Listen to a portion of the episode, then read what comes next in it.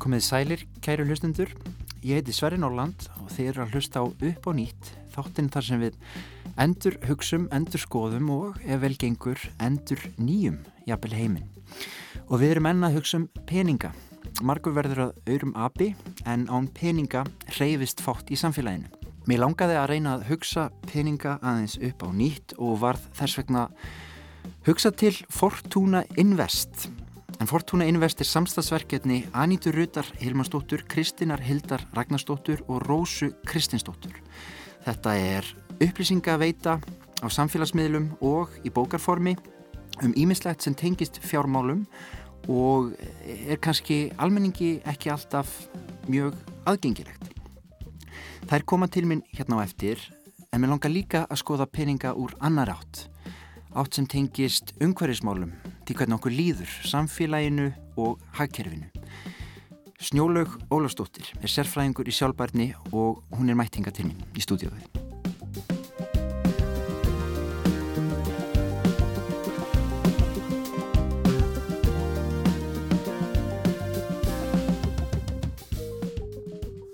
Snjólaug Ólafsdóttir er sérfræðingur í sjálfbærni og sjálfbærni er orð sem flestir íslendingar já, heyra sjálfsagt í sí auknum mæli, lesa og, og rekast á en ég er ekki vissum að allir skilji 100% hvað fælst í þessu orði, sjálfbærni veist þú það snjólug? hvað er sjálfbærni?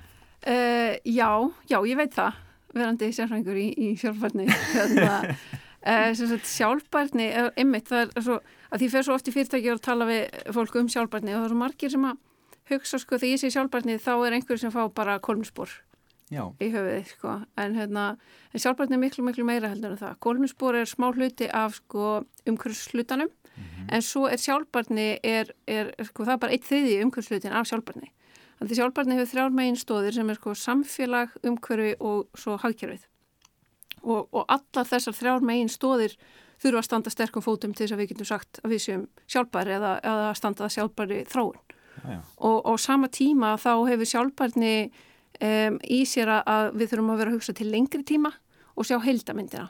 Þannig að við getum ekki við eitthvað umhverfisvænt að megu ekki sko, setja okkur eitthvað svona þrenga gleru og segja já þá er þetta sjálfbært. Veist, við þurfum að hugsa okkur hvað áhrif hefur þetta á samfélagið, hvað áhrif hefur þetta að hafa á hagkjærið. Þannig að við þurfum að sjá alltaf heildamindina í öllu sem, sem er verið að gera. Þannig að umhverfisvænir hlutir er ekki endilega sjálfbærir?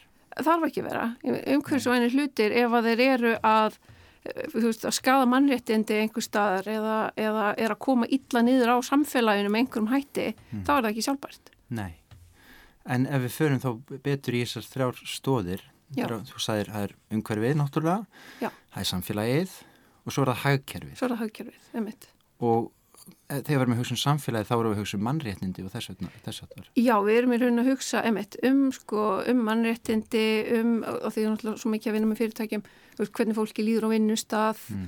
og, og hérna bara við, í rauninni, ég hugsa oft sko, sjálfbarni, eða þú ert að vinna að sjálfbarni þá ert að vinna að því að fólki líður betur í samfélaginu. Mm.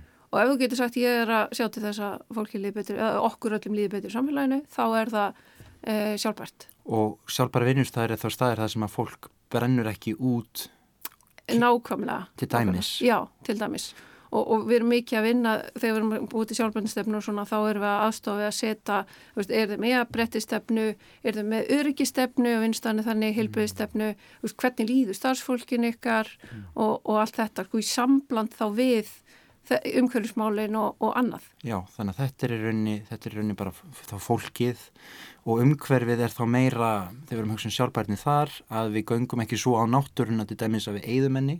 Já, og, og er það þá, það þá, hvernig við nýtum auðlindirnar?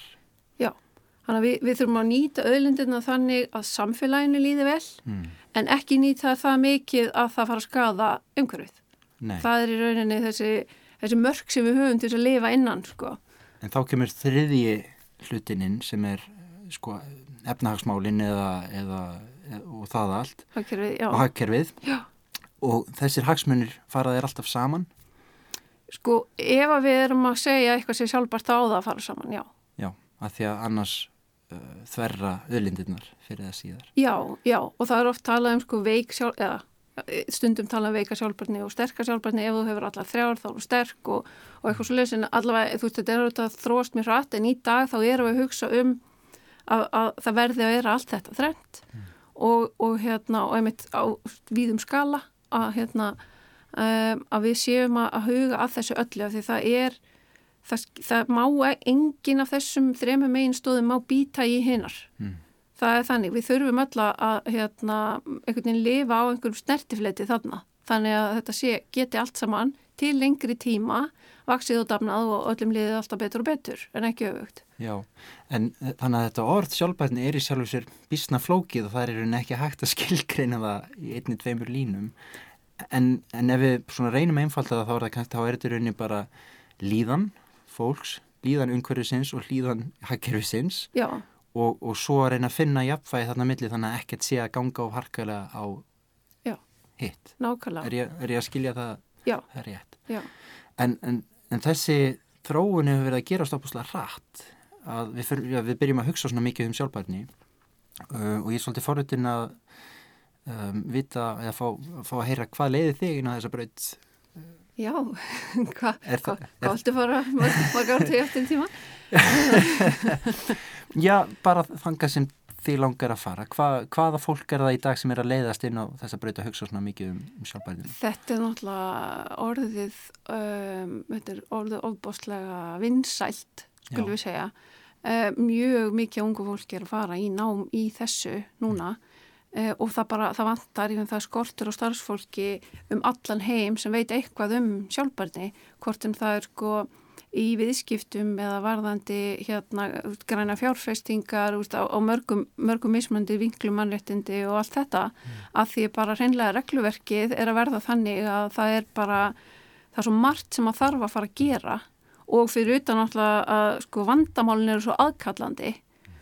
og, og við höfum, við erum svo lengi ekki búin að vita í hvað stemdi á þess að breyðast við og það er þannig að þegar maður býður of lengi þá þarf maður bara að hlaupa hraðar. Og í hvað, í hvað stefnir? Já, það er eins og loslasmálinn, mm -hmm. við sjáum að, að, hérna, að allar spár uh, sem hafa komið, þær eru bara hreinlega að gera straðar heldur en við byggumst við. Um, og, og svo þegar við erum fann að sjá einmitt sko, veist, önnur umhverfisáhrif, núna orðin mikil áhersla mannréttindi að hérna, við séum ekki að ganga á einmitt samfélag í, í hérna, fjarlagum heimslutum og, og allt þetta að við séum að taka þetta allt saman inn í og, og, og hérna, einmitt eins og segir þetta er alltaf að gerast hraðar hraðar það er að koma inn nýjar sko, lög og reglgerðir, nýjar viðmið, þú veist, alls konar hérna, ógrinni af stafsetning hérna að, hérna, veist, orðum og, og, og svona stýtingum sem þarf að skilja sem, að, sem eru alveg bara og eru að breytast sko bara dag frá degi Þannig að sérfræðingur í sjálfbarni þarf að þekkja flóki regluverk og, og allskynst þannig Já, já og vera mjög það er svona hérna, er, ég er rosalega að vera hjá glóbal fyrirtæki af því að mm. þar er mikið af fólki og það eru sérfræðingur í hverju einu og maður getur fengið upplýsingar af því að mm. ef ég ætla að vera heima og googla þetta allt saman það ég myndi ekki gera neitt annað sko, þetta er svo mikið En, en, en finnst þér þá að við séum komin á þann stað að það megi ræða af alvöru og innlægni um ástandið við það í heiminum inn á dæmis, þínu sviði þegar þú ert að vinna með fyrirtæki um fólki. Mm -hmm. Mér hefur fundist eins og við sem að vissuleiti verið svolítið eins og börn að verða að hlýfa okkur við sannleikanum og, og, en svo finnst mér eins og við höfum tekið einhvern kip og ólíklegasta fólki fara að viðkenna vandan í auknum mæli. Já, ummitt. Þannig finnur þú það í þínu, þú veist, bara starfi að fólk þóri að horfast í augu við okkvikjandi staðrindir? Já, já, ég, ég finn það og já. ég held líka að það sé bara þessi breyting sem búin að vera í samfélaginu mm. að sko fyrir nokkur mann máttu við ekkert vera einlæg. Nei. Núna megu við vera einlæg, núna megu við vera mannleg og við tengjum miklu betur við fólk sem að, sem að sko er, er að koma fram einlægt, mm. þú veist við sjáum miklu meira af, veist, ég er lendi í börnátt eða ég er búin að eiga erfitt í þessu og, og það má tala um þetta og fólk er ekki dæmt fyrir það. Og á samaskapi þá megu við segja, heyrðu býtu við bara settum kerfin okkar svona hryllilega vittlust saman. Hvað ætlum við að gera, gilur við núna bara má segja það sem átti kannski ekki áður og, og, og við megum og ég segi þetta ofti fyrirtæki sko, þegar við fyrir að grafa við, og það er það sem við þurfum að gera, við þurfum að fara að grafa í alla verðiskjörn okkar hvað áhrif erum við að hafa bara á, á fjarlagsamfélag og allt þetta að, að það má og maður verður ekki ráð fyrir við sem að fara að finna eitthvað, eitthvað leðrætt, eitthvað skýt og, og um leið og við gerum ráð fyrir því að hann sé þarna eitthvað staðar þá verður það ekki mikið áfall þegar við síðan finnum hann og þá þurfum við ekki að fara að fela hann þá er bara svona, ó nei, heyrðu, þetta er hér mm. hvað ætlum ekki í þessu? Já, ég veist þetta frábært. Ég maður einhvern tíman mann ég að ég talaði um fugglategund sem var á núdauð og þá saði einhver, hvaða neikvæðinni er þetta? Já, já. En það er ekki neikvæðinni, það er ekki, tengis mér ekki neitt sko. Nei. Fugglategundin var útdauð. Ennveit, bara staðreindir. Já. Það má tala um staðreindir. Já, og við þurfum kannski að tala um þær. Þannig að, þannig að, og þetta tengis kannski þá sko verðmætamati í samfélaginu. Já, já, ég held að verðmætamatið okkar, sko það er að breytast Já. og það verður að breytast. Og að því þessum þætti upp á nýtt þá erum við að hugsa um peninga Já. og við erum að hugsa, reyna að hugsa þá einhverju liti upp á nýtt Einmitt. og það er til dæmis finnst mér ábyrrandi verður að vera í þessari sjálfbærni umræðu þar sem að við erum til dæmis farin að hugsa um sko ófjárhagslegar upplýsingar mm -hmm. sem fyrirtæki að stopnarnir er farin að standa sko skil á. Hvað, hva, hvað eru við að tala um þar? Sko þar eru við að tala um þessa þætti sem að heita ófjárhagslegar upplýsingar en eru það botnin kvöld ekki ófjárhagslegar upplýsingar? Að hérna, hvernig kemur fram í starfsfólki? Það, það vilja öll fyrirtæki ná besta og flottasta fólkinu með bestu menturina og, og eins og segi, bara mjög mörgum geirum það bara skortur á starfsfólki, velmentur starfsfólki. Mm. og það er bara hluta sjálfbarni að hérna, bjóð upp á flottan vinnustáð sem vel hugsa um starfsfólki svo laðir að er gott starfsfólk og það, það endist, já og ég með það fyrir beint í bótum læna í fyrirtækjarækstri að vera ekki með háa starfsmánuveldu og allt mm. þetta. En hvað þá að því að þessar ófjárhúslegu upplýsingar á, áður fyrir var það þannig að það var einhver ársuppgjöf og þetta voru alltaf sko peninga upplýsingar mm -hmm. en í sívaksandi mæli á síðust árum þá er fólk farið að senda frá sér það sem er kallað umhverfiskíslur og, og, og, og eitthvað svona. Um, hvað, er, hvað kemur fram í, í, í slíkum skýslum? Það er þetta með starfsfólkið Já. og er það, er það líka svona sótspor fyrirtækjana eða, eða losun? Emitt, losun, jú, losun hérna á, á sagt, uh, þá gróðsólóttegundum og ekkit bara, ekkit endilega bara beinlosun úr, úr það sem við erum að gera hérna, bensinlítarinn sem við kaupum, heldur erum við að skoða alveg framleiðslu á öllu sem er keift inn og hvað þetta endar og allt þetta, það þarf að taka þetta allt saman. Þannig að fyrirtæki, fyrirtæki flyttur inn steipu og við Já. viljum skoða fótsporaða því eða sótsporið eða hvað við kallum það mm -hmm. þá þarf að skoða hvernig steipan er búin til hvaðan hún er flutt já, og allt þetta. Já, þetta all, kemur alltaf inn. Og núna er að koma bara mjög, mjög hérna eh, svona að þetta hefur verið svolítið fyrirtæki að við geta ráðið við ætlum að fara eftir þessum standard að þessu standard og svona ákveði en nú er bara að koma frá Örbúrsambandinu eh, hérna ákveði regluverk og öll fyrirtæki þurfa að gefa upp akkurat þessar upplýsingar og þau mm. þurfu öll að vera búin að gera þetta áhættumat og, og þar fram til göttunum. Mm. Þannig að það verður meira staðla núna í, í náinni, náinni framtíð. En, en getur verið þarna þá að bara peningakerfi heimsins er það ekki aðeins að svona, eru við ekki að hrista aðeins upp í því með þessu öll að þegar við borgum út í búð kannski einhverja uppæð fyrir einhverja vöru Já. sem kostar miklu, miklu meira bara ekki fyrir okkur. En nákvæmlega nákvæmlega. Og, og þetta er eitthvað sem að talandu um verðmættumatið þú veist að, að hérna, við höfum ekki verið að meta til fjár hvaða náttúrann gerir fyrir okkur. En náttúrann er enga síður uppspretta alls þessum verðmætti er á Þa, jörðinu það, það væru engin verðmætti ef við verðum ekki nota öðlindir það er bara þannig, bara, bara fæðukerfi heimsins reyði sig á öðlindir jarðar og, og til dæmis bara skortir mm. það eru þau sem er að frjóka hérna plönturnar og þetta sem við erum síðan að borða. Ef við hefðum þetta ekki þá væri við ekki að borða, það væri bara ekki 8 miljardar manna í heiminum. Það væri bara ekki jafn gott bræða jarðabörjunum okkar án skordýra þú væri bara ekki með jarðabör það, er, það er svolítið svo leiðist hérna, og við þurfum að fara að meta þetta allt saman sko réttilega eh, til fjár, eða það sé allavega skaðsemina. Ef við erum að skemma þetta og, og allt það þá þurfum við að fara að borga fyrir það. Og, og það er að koma, veist, það er að koma núna með öllu þessu. En, en það gerist fyrir tilstilli þvingana í rauninni. Er það sko lög og reglugerði sem koma frá stopnunum í Evrópu eða? Já, það er að gerast innan Evrópu þannig, já, já algjörlega. En, en, en eins og er vilji, hvar, hvar finnst þér að er viljin innan sko fyrirtækja, enga fyrirtækja já. eða stopnana, sko eru enga fyrirtæki farin að átta sig að því kannski að svona stór alþjóðleik kannski að ef þau hlúa ekki að uppruna sko auðafana eða bak við fyrirtækin þá verður kannski, verður kannski, verður kannski ekkert þar eftir einhver ár Já, já, ég held að eh, hérna, fyrirtæki eru það er oft talað um að fyrirtækin séu sko vandagögin mm -hmm. En fyrirtækin eru nefnilega bara alveg búin að átta sig á því allavega mörg hver að hérna að það verður, sko það er engin business á, á tómri plánundu það er svolítið þannig. Og, og í grunninn þá erum við öll fólk. Já. og við viljum öll búa það sem öllum líður vel og, og allt þetta. Og fyrirtækinn búin að fatta og sjá það að þau geta haft áhrif og vilja hafa áhrif. Og ekki bara, þú veist hérna, senda, henda einhverjum peningi, einhverju styrki og eitthvað svona heldur bara, ok, við ætlum bara að fara að tala um okkar byrja, við ætlum bara að fara veist, við getum gert eitthvað hérna mm. og bara virkilega haft áhrif bæði á þá sem við erum að kaupa samfélagin sem, samfélagin sem við erum í mm. og þar fram eftir göttunum og það er bara alveg ótrúlega gaman og flott að sjá fyrirtæki sem að eru að taka sjálfbarnina föstum tökum og ekki að taka bara veist, og uppfylla einhverja staðla eitthvað, heldur bara okkur hver eru við og hver vilju við vera, mm. hvaða áhrif vilju við hafa hérna út í samfélagið. Þannig að fólk er í grunninn gott. Já. Vill það gott að sé leiða og vill að líf það skipta einhverju móli. Ég er alveg bara hérna, mikill halsmæð þess að það, fólk sé í grunni gott alveg nummer 1. Þannig að það er mjög margt jákvæmt að gera. Stundum heyrir maður líka orðið grænþóttur þar sem fólk, og, og fólk skilur það ekkert endilega heldur. Nei, nefnitt. Og, og grænþóttir er þegar að við erum að, að segjast vera að gera eitthvað sem við erum kannski ekki að gera eða að segja við sem aðeins grænni heldur en við erum. Breyta kannski yfir í grænt logo?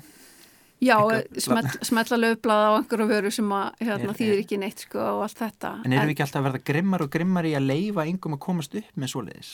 Getur... Jú, og ég held líka sko mikið til hefur við verið að stunda eitthvað sem heitir grænþvottur, ekkit endilega viljandi. Veist, þetta er bara hugtak, þetta er alltaf breytast og þetta er að breytast hratt. Og fyrirtæki er kannski að gera eitthvað sem þau góðri trú halda að sé mm -hmm. flott, af því það bara er ekki veist, það er kannski ekki vanta þekkinguna eða þetta virkaði gæri en má ekki dag og allt þetta. Og, og þarna með innlægnina sem við varum að tala um það skiptir svo opbáslega miklu máli að við bara sem samfélag gerum þarna greinumun á. Að, að þegar að fyrirtæki segir, heyrðu, ups veist, hérna var áhætta sem við sáum ekki að við hefðum átt að gera þetta öðruvísi að þau sé ekki bara, veist, bara neld niður sem vondikverðin að, að því við viljum öll gera veljanna mm -hmm. en, en þetta er ofbáslega mikil þekkinga þröskuldur að fara yfir og, og hérna, við lærum mest á því að fá að viðkjöna mistökin okkar og, og læra af þeim. Algjörlega, ég fyllist bara eldmóði og bjart sínu að hlusta þess njólur þannig að þú, þetta við erum á réttri leið. Þetta er hæg sigling en við stefnum sem plánita í góða á. Ég, ég held það, þetta er, þetta er eitt skrif í einu og, hérna, og núna er allir búin að hugsa um kólumlisbóri sitt og, og bara allir úti ekki láta hugfallast þegar þið farið að heyra að það er meira þann undir sem að þarf að líka fara að laga og fara að skrá og fara að pæli.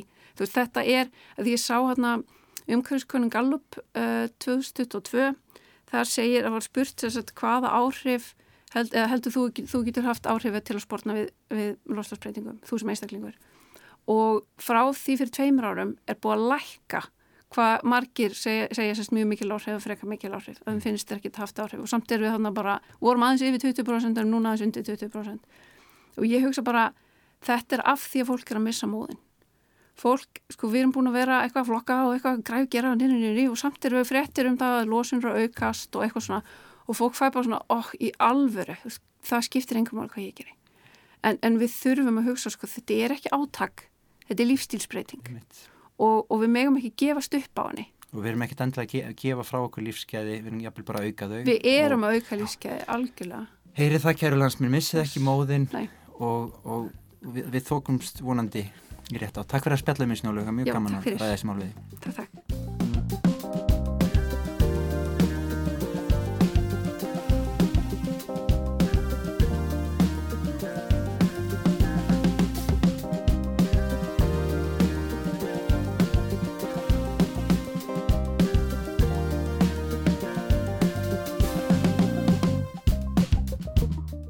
Ég heiti Sverri Nóland og þið eruð að hlusta á upp á nýtt og að þessu sinni erum við að reyna að hugsa á nýjan hátt um peninga.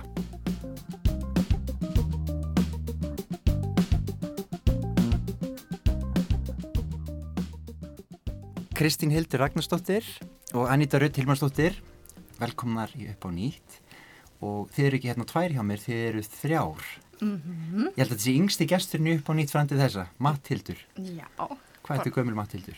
Matildur er átta mánuða, Átta mánuða gömul einu sinni allt fyrst.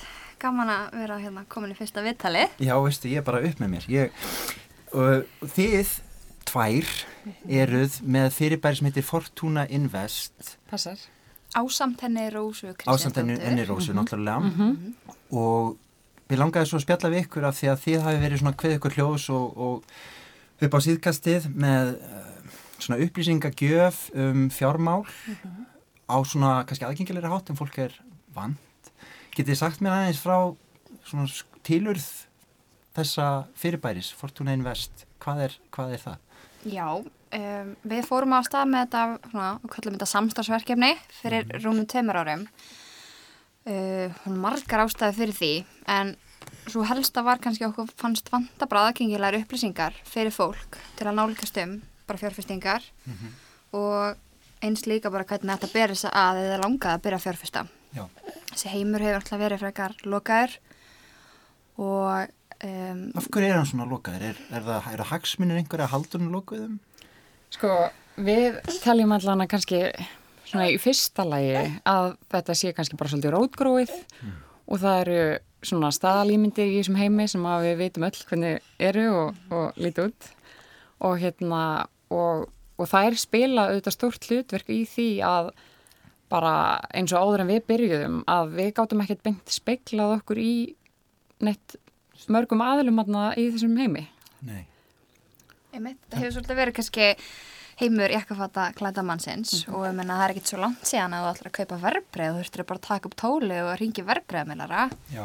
og ég menna það er ekkert hérna og færi allra að gera það og líka bara, einmitt, það getur verið óþægilegt en og, og í dag erum við komið með þessi upp og, og þetta er einhvern veginn allt gert í gegnum gegnum netið og þetta er orðið mun aðgengilegra og auðveldara en það fylgir því líka að, að svona fræðslan og, og aðgengið að upplýsingunum þarf líka að vera til staðar af því að almenningur er komin svo nálagt þessu. En er fólk kannski svona svolítið, svolítið, svolítið smegt við að ofinbera fáfræði, er svona óurugt eða langar að stígin inn að heim? Uh, Við hefum ekki upplegað það Nei?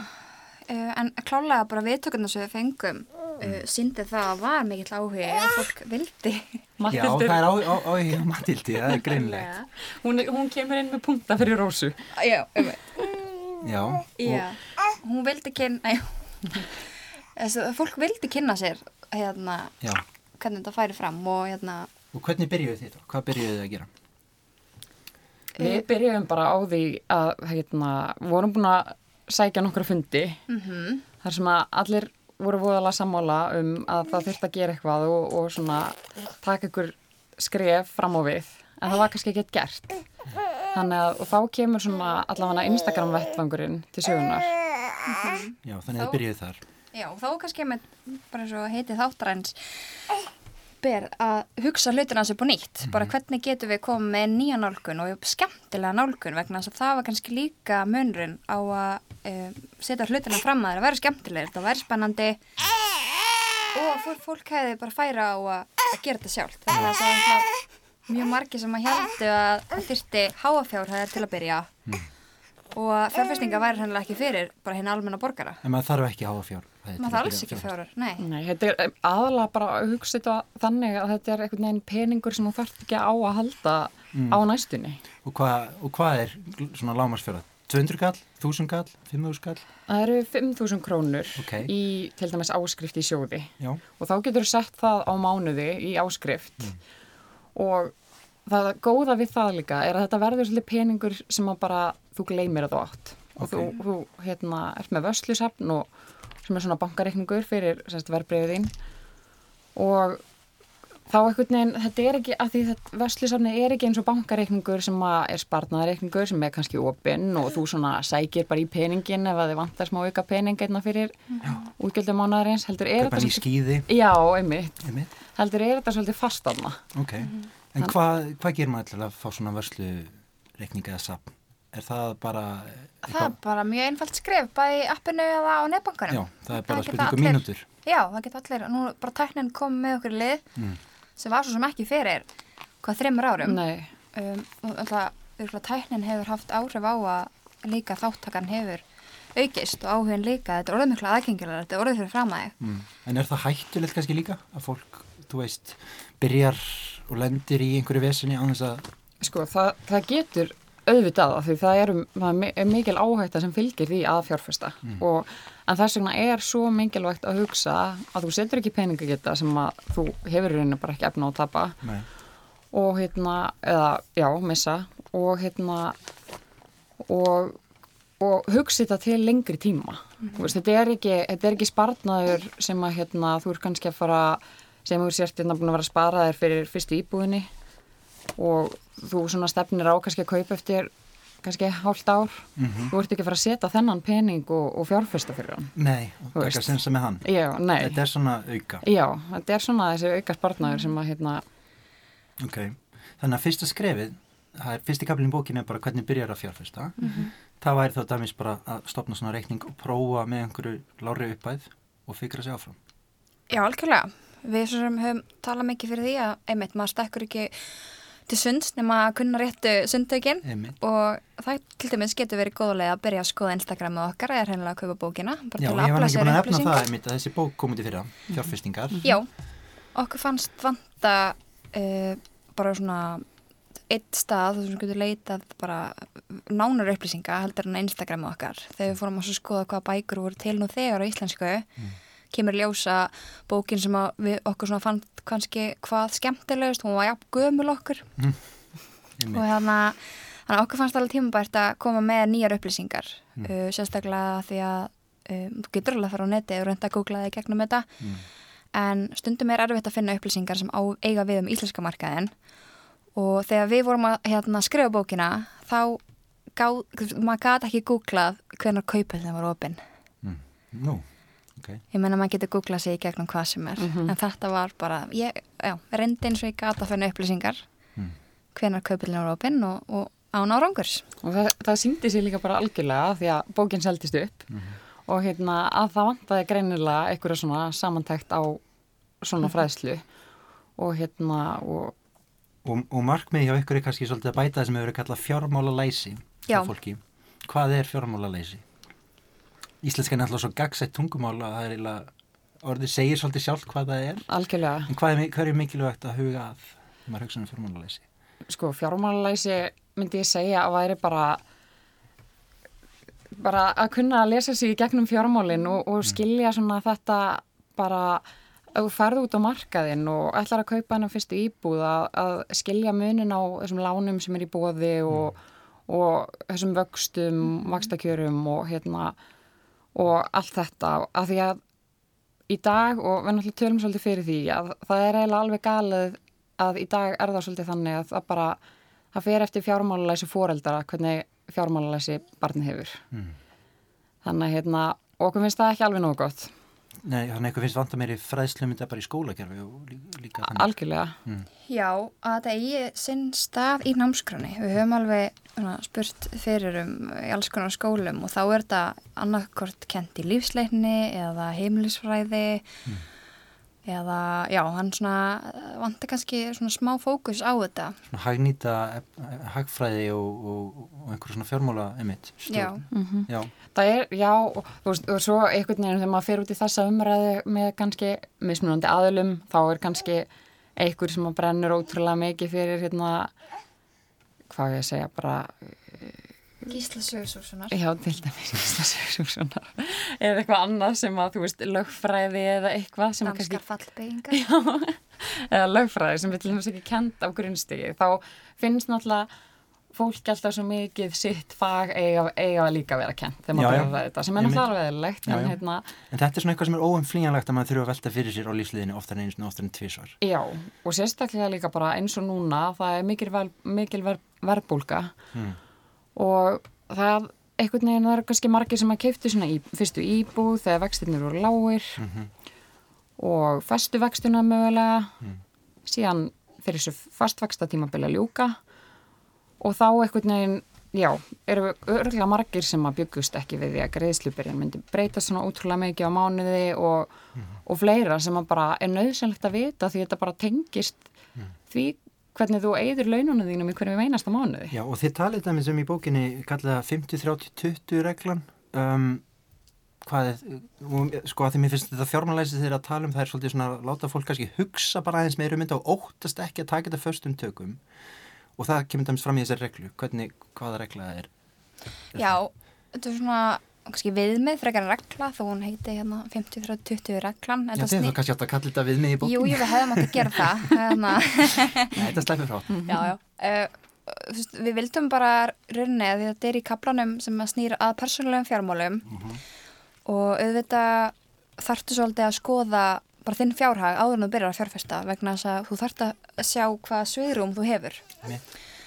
og eitt er að skoða tekjur og gjöld með þess að tekjur og, og kostnað og svo vildum við svona reyna að leita af einhverja aðferð sem fólk gæti nýtt sér við að hérna, búa til svo kallega fjárhagsáætlun og þar kemur þetta viðmiðin uh, og í einföldi máli snýra því að þú reynir tekjurinn, tekur bara þína tekjur og sem sagt, hvernig sem er, deilir því niður á 50, 30, 20 hlutföllin. Þar að segja sem sagt, 50% af þínum tekjum fari fastankostnað.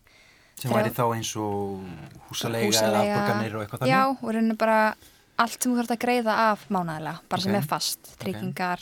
Mm. Við setjum matakörnan undir af því að maður þetta, getur ekki komist af án matar Nei. og 30% fer í svo kallega skemmtun sem Mhm. er þá ekki nöðsynnar og svo 20% spartnæður. Uh, nöðsynlega að taka fram að þetta eru bara hlutveld sem að allir geta breytt og uh, reynda sérsniða að sínum þörfum. Einmitt.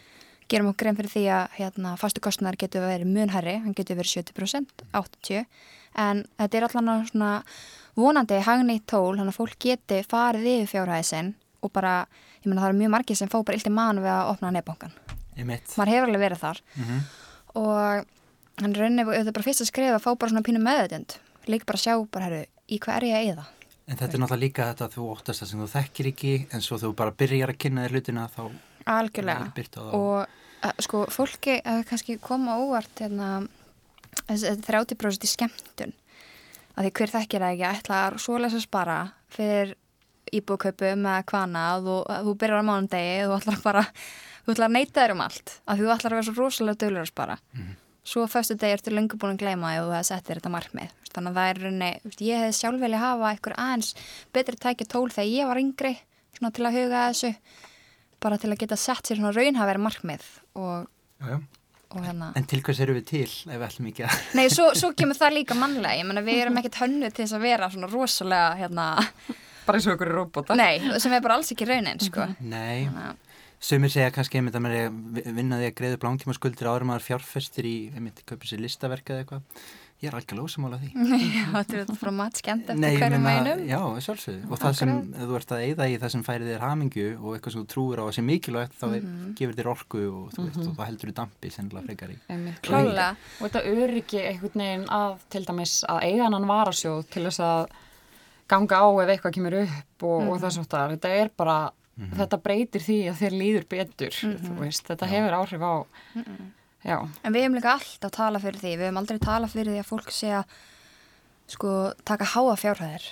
Við erum, alltaf bara að reyna að implina það að fólk ekki vera, þó að vera ekki nema fimmúskall bara reyna með þetta, eins og Kristinn segir að byggja sér upp en að varasjóðu því að við þurfum að eiga fyrir óændum útgjöldum. Það getur verið öllu tægi En segjum þá að við tökum hennar fimmúskall og þið skiptir bókin upp í kapla eftir í, í hverju maður getur fjárfest, hlutabrif og sjóðir, alltaf fastegnir og svo kannski aðeins svona flokknar að skuldabrif og rafmyndir og eitthvað þannig. Mm -hmm. En segjum við þessu með hennar fimmúskall. Hvað á maður að gera? Á maður að kaupa hlutabrif? Á maður að. Þetta er Stór spurning. rosalega, já þetta er mjög stór spurning af því að hérna, maður þarf auðvitað að fara eftir bara aðstæðum hversu eins Ok. uh, þegar maður er yngri til dæmis þá hefur maður svona aðeins meira svirum til þess að taka á sig söflir í ávöxtun og þá getur hlutabrif til dæmis verið ákjósanlegri kostur Hvað er hlutabrif? hlutabrif er ávísun á eign í fyrirtæki Þetta er ósamála því matildur. Mattildir er til dæmis hlutafi í kaupöll en hérna mér langar að segja yngsti hlutæðin, það er ekki bara. hlutafi. Já, eflaust. Hún fekk í skýrnagjöf hérna og það er til dæmis bara hérna, peningur sem við ætlum að gleyma og vonandi getur hún keft sér íbúð einn daginn. Já, einmitt. En aftur að hlutabriðanum, um, þá er, þú getur keft þér auðvitað stök hlutabrif og það er hérna ílska kaupallinn, það er þetta að kaupa í Marel, Æslandir og fleiri góðum fyrirtækjum. En það er auðvitað áhættisamt og við hefum líka einmitt, kynnt til leiks þessa ygnadreyfingu sem er svo ótrúlega mikilvæg. Þannig að þú sért ekki að setja öll ekki í Sömu körfu. mm og rauninni fyrir kannski aðalega sem er ekki veist, er ekki að hugsa um hana, fjárfestingar alla daga þá getur til dæmis mjög hérna, reynstunum vel að að fjárfesta í sjóðum og sjóður fjárfestir þá í mörgum mismöndi Og hvað, það eru þrjár ég- tegundir af sjóðum á Íslandi? Eða hvað, svona form af sjóðum? Já, svona form, já. Þetta er hérna, já, þessi almennir sjóðir sem að kannski við hérna, pælum helst í. Ok, Svo eru fagfjárfesta sjóðir og hvað er þriða tegundin? Ég man ekki hvað, það var, það var eitthvað sem verið að breyta hérna skilgrinningun á þessu. En Nei. allavega, hérna, En það er kannski eins og þú veist með hennan með hennan 50 skall að þú ert ekki þú ert ekki að fara að kaupa þér stöðu klutabrif fyrir hennan 50 skall, það bara Nei. borgar sig ekki það Nei. er bara er ódýrt og hérna er aldrei, já, þú ert ekki að fara að fá neina rosalega ávöxtun út úr því en þess vegna eru þessir sjóðir svo góðir vegna þess að þú getur í fyrsta lagi verið áskrift og lagt fyrir mánalega, glimt þessu og hérna og einhver er að sjá um þetta fyrir þig. Já, einhver er að sjá um þetta fyrir þig og þú hérna, getur haldið áfram að sinna þínu. Já, en þú getur samt kynnt þér hvernig sjóðurinn Algjörlega, fjárfest já, já, já. Og, og, Og hvaða áhættu hann ber og, og einmitt í hverju hann er að fjárfesta og hvernig skiptingin er. því finnst kannski mikilvægt að hann sé að fjárfesta í einhverju sem er sjálfbært eða grænt eða eitthvað svona. Já. Þetta lítur alltaf að skipta máli. já, þetta, já, þetta kemur allt fram einmitt Já, ok, hjá sjóðstýringafyrirtækjana. ok. En, en er þá kannski, eins og með flestir er náttúrulega bara með peningarna svona bankareikningi. Er það ekki, ætti almenningur að nýta þessa möguleika miklu meira, finnst ykkur? Sko, það er kannski aðalega bara með það að gera uh, núna, og akkurat núna þegar að verðbólgan er svona mikil og, og, og ásker er alltaf að hækka stýrivextin okkar, að hérna, þá er alveg ákjásanlegt að vera með peningin inn á bankareikning, inn á einhvern sparireikning sem hefur hærri águstun en hérna, en við höfum, en við höfum þekkt svona undafari, Já. en hérna, en svo þegar að e, vextirnir eru ekki afgóðir að þá eru, er verðbólgan svolítið að geta upp peningan okkar. Og það er svona það sem að við getum gert með fjárfestingunum er kannski meira svona að tryggja þetta verkildi að það haldi sér út í nokkur ár. Við erum kannski að fjárfesta til þú veist, fimm ára eða svo leis og þá getum við svona meira stólað á að verkildið er að haldist Ok, en svo er þetta ekkert annarkvært eða. Maður getur þetta haft bara hann, bæði íverbröðum og svo líka að nýtt sér þessa hái innlánsvexti sem eru komni núna. Ég meina, hvað stýrivextir eru 6%, það hafa ekki verið jafn háir núna í 12 ár.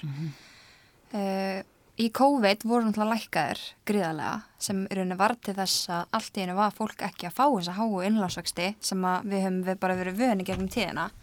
Og það í rauninni var einn af þessum hérna, þáttum sem að var til þess að fólk fór að skoða hlutabrif og var til þess að hlutabrifmarkaðan tók til þess sér.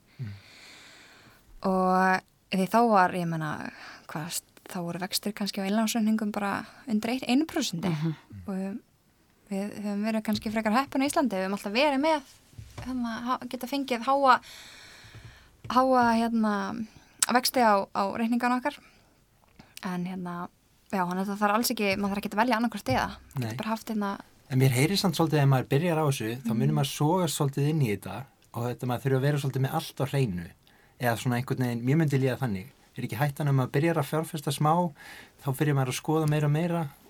Já, já, en er það ekki einmitt ennþá betra? Jú, ef maður, ef maður, ef maður, ef maður hefur Tíman. tíma til þess Já. og ég var hættur um að mjög margt fólk hafi það ekki endilega. Nei, en það, já, en það er mitt bara kannski svolítið svona, það er aftur bara þessi sjóðir og þessi áskrift. Þetta Já. er, þetta er bókstaflega svolítið þannig að þú getur mm glimt peningnum sem þú ert að setja þarna mánulega og setur 5.000 krónur á mánuði. Þá getur þú svolítið leifti bara að vera þarna og hugsa bara, ég, ég þarf ekki á þessum pening að halda og ég ætla að leifis að vera þarna í, í nokkur ár. Það er alveg sniðið því þá ertu bara búin að komast í vana bara mánalega tekið af reikningliðinum, þú Mhm. ert að ná að sapna einhverjum pening til hliðar, vonandi fá góða ávöxtun á hann Mhm. til lengri tíma, því það er leikirlinn að þessu, þú ætlar ekki að setja veist, ég meina, það er alveg típur sem að skoða verslusafna sitt eða bankareikning, nei, hérna, netbankan sinn, þú veist, oft á dag eða oftar í viku. eins og bara samfélagsmiðla Já, þú veist, við, hérna, það er ekki, já, líkurnar á að, hérna, þú takir óskinsalar ákvarðanir eru miklar þegar þú ert í, í þeim pakka. Þannig að það sem eins og Kristín segir, það er svo sniðut, bara gera þetta, koma svo upp bara upp í vana og þá líka þarf ekki að pæla í þessu hver mánaðamót. En við byrjum aðeins að, mér nokkar aðeins að spyrja ykkur betur í það, við byrjum að tala um fyrirmyndir í byrjun. Og það er skemmtileg saga minnum í bókinni þar sem að, eh, hvað hétt hún áttur, Whitney Wolf, hún er hérna í kaupöll og hún er með Já. undir arminum. Já, og þú ert núna hérna Anita með hana Mattildi með þér. mhm, Um, þeir eru svona, þessi klísju típa í mitt í fjármála heiminum talar eitthvað svona mál sem er svolítið lokað og er svona er náttúrulega einhverjar eitraðar karlmennsku hugmyndir þarna, þú veist, og við vitum öllum slík dæmi en reyndar eru þeir vini mínir karlmenn sem vini banka algjör gæðablóð og indislegir sko. Þannig að þetta eru stereotýpur mhm, flóknar. En finnið þið að þið séu að sko hvetja fleiri til þess að þóra að, þú veist stækka svona þá ímynd sem er einhvern veginn eða þú veist, er ímyndin að breytast til dæmis innan fjármála heimsins Sko, er þetta úrrættar hugmyndir þetta er ekki, eh, sko, nei, þetta er ekki úreldar hugmyndir. Um, ég held að sé, það er alveg gott að, og kannski eina af líka ástöðunum er að við, er að við förum inn á þetta svið, er að við hugsum líka að það er kannski, ef engin annar ætlar að gera það, þá getum við ekki allast til þess af einhverjum öðrum Nei, að brjóta það er góð lífsregla. Já, nákvæmlega, Ég einmitt. ég er á sömu Já. já, já, En, en já, og það er svona, þetta er samt alveg svona stór hlut af því til dæmis að við hérna höfum til dæmis alltaf fengið tölur frá kaupöllinni, eða fengið, bara, já, kaupöllin hefur gefið út tölur yfir hérna þáttöku og hlutabræðamarkaði. Og þetta verður alltaf verið svona cirka 30% konur og 70% kallar og, og síðan vorum við alveg ótrúlega spenntar fyrir síðustu tölum, fyrir árið sérst 2021 og, hérna, og það er komið núna út um daginn og, hérna, og við höfðum alveg smá trú að því að við hefðum alveg verið búin að breyta heiminum og, hérna það var svo mikið lágur og hérna og þá voru sér hlutið bræns og Já. við fengum tölu líka frá hérna, hlutafjárútbóðum í Ölgerðin og Nova og þetta eru bara nákvæmlega sömu hlutföll yfir alla aldurshópa. Það eru 30% konur og 70% kallar. Ok En við trúum því samt mjög fastlega Já. að okkur hafi tekist að breyta allavega einhverjum viðhorfum til þessa. en hvað haldið að skýri þessar tölur er það aukið aðgengi karlmanna að fjármunum eða er það aukin áhættu sækni karlmanna Ég held að sé ennþá svolítið svona þetta rótgóruna sem er svolítið bara fast í að þetta, þetta, þetta hefur ekki ennþá breyst almennilega þó það sé já, og allt það. En hérna, já, ég held þetta sé kannski meira einmitt vaninnan vinahópa að ræða þetta og hérna, Mm. já, þetta er, og tengist einmitt ennþá líka alveg staðalímyndum og, og fyrirmyndum. Ef við myndum um þetta vita hárrétta svarið við þessu þá værum við búin að breyðast við þessu. En við ætlum um hort á það að hérna, að það sé okkar leið til að reyna allan að breyta hlutunum og við höfum allan að opnað þennan heim fjárfestinga með okkar Instagrami og við með reynd að tala ekki í þessu lingói af því að ég menna eins og, eins og fólk heyrir í fréttum Sælabankin hækkar stýrivextu um 50 púnta Byrja, ha, púnta, hvað áttu við? já, uh, það er, já, svo sagt, 50 púnta, já, það er 0,5%. Já, ok, okkur segir það ekki bara. já, þetta er mjög einmitt Þú veist, þetta er svo mjög lýsandi, hérna, og auðvitað er þetta, hérna, Og svo er þeir með nokkur orði yfir stýrivexti og svona til að flækja þetta ennþá meira. já, og- já, það er náttúrulega bara búið búi til ansi flóki mál, hérna, En í grunninn er þetta öruglega frekar einfall. Þetta eru penningar þarna og þetta er einhvers konar mæligerði hvarði á verðmæti. mm Þannig að í lokin, uh, ef við hugsun bara í fyrsta legi, finnst ykkur, eru peningar góður mælikvarði á verðmæti? Erum við kannski bara föst við svona úrald og frumstætt kerfi svo lítið? Sko, það, Núna er mikið verið að um ekki- sjálfbærni og Já. allt þetta og þú veist hvernig við verðlegjum hlutina. Já, um, auðvitað hefur verðmæti alltaf svona þróast með árunum, þú veist, Mhm. bara frá, frá því fyrir langa, langa löngu, en ef það væri ekki peningar þá þurft að koma eitthvað annað í staðinn og væri það eitthvað skára en peningar? Öruglega ekki. Nei, svona, En, en það er alltaf svolítið svona þungur, þung, þungur uppafsreitur ef maður hugsar væri eitthvað annars skárra en eitthvað sem er menn gallað. já, Já. En þetta er flókin spurning. Já. Þetta er flókin spurning. Ég ætla ekki mjög að- djúm já. Já, það er svona, mér finnst svona oft eins og við erum svo föst í, sko, peningar að mörguleiti svona opaslega frumstætt fyrirbæri, sko. Af því þeir eru svo vondur mælikvarði á raunverulegt verðgildi. Já, en núna til dæmis er Já, kannski, þú veist, peningar eru, eru valla lengur físiskir. Einmitt, og þess vegna að- spyr maður og það er Já. þess að rafmynd. Já, Þannig að hafið þið eitthvað hugsað bara hvert, erum við föst með peningar næstu þúsund árun ef mannkynnið lifir Sko, þau af? ég held miklu frekar að, að svona, að þetta er kannski þau ár sem að, hérna, kannski næstu 20 árum að hugsa aðeins fram í tímanna, þá sé þetta bara meira að fara að vera að maður sé bara með síman. Já. Og, maður, þetta er bara að maður greiðir í gegnum hann og pæ, hættir að pæla í þessum krónum og, og seðlum. Eitt daginn borgar maður kannski með andlutinu og augunum. Nákvæmlega. En hvað, en, en næst, lokin, næsta skref hjá ykkur er, er alltaf ekki út aðra bók, hvað ætlaði að gera til að halda fram að breyða út Bara heims yfir áð. heims yfir á? Nákvæmlega. Nei, okkur, okkur langar allavega kannski, já, bara herja meira á það sem við höfum verið að svona standa fyrir og tala fyrir og, og vonandi ná okkur fram með því sem við erum að gera og, og hérna, Við fórum að staða með það markmið að auka þáttöku, eða jafna þáttöku á fjármálamarkaði. Og okkur hefur kannski ekki alveg tekist það, þannig að við erum ekki, við erum ekki búnar. nei, Okkur langar að reyna, Ég ránaði með ykkur, Anita Rauð, Kristín Hildur, haldið áfram að opna þennan heim og þegar Matthildur verður orðin stór, þá verður þetta bara allt kristalskýrt, nákvæmlega, Hjartans takk fyrir komuna. takk takk fyrir.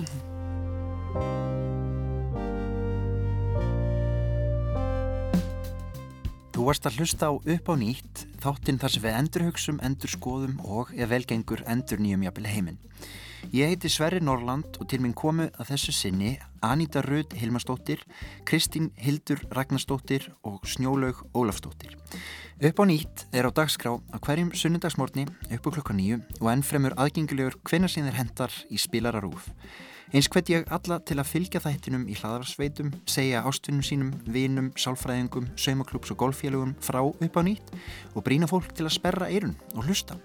Þið með endilega senda mér hugmyndir að þemum fyrir nýja þætti og ekki síður rós og kvartningu nú eða skammarirði ef mér verður á í messunni ef ég læt út um mér einhverjar ólíðandi ambögur.